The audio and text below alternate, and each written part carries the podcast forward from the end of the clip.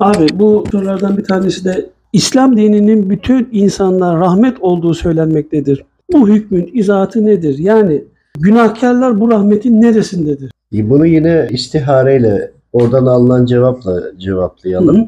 Çünkü çok fazla izahatı var. Tamam. Ama biz bir yönünü anlatalım. İslam dininin bütün insanlığa rahmet olduğunu olduğu söylenmektedir. Evet. Bu hükmün İzahı. izahatı nedir? Şöyle düşünün. Bu alemde, dünyada kıyamet ne zaman kopacak? Bir tane bile Allah diyen kimse kalmadığında kıyameti bekleyin. Yani bir kişi bile Allah diyorsa kıyamet kopmayacak. Allahu Teala kendini kabul etmiş, kendini iman etmiş bir kişi bile varken kıyameti kopartmayacak. Bir kişi bile bütün insanlığa rahmet olur. Bir tane iman etmiş olan bile.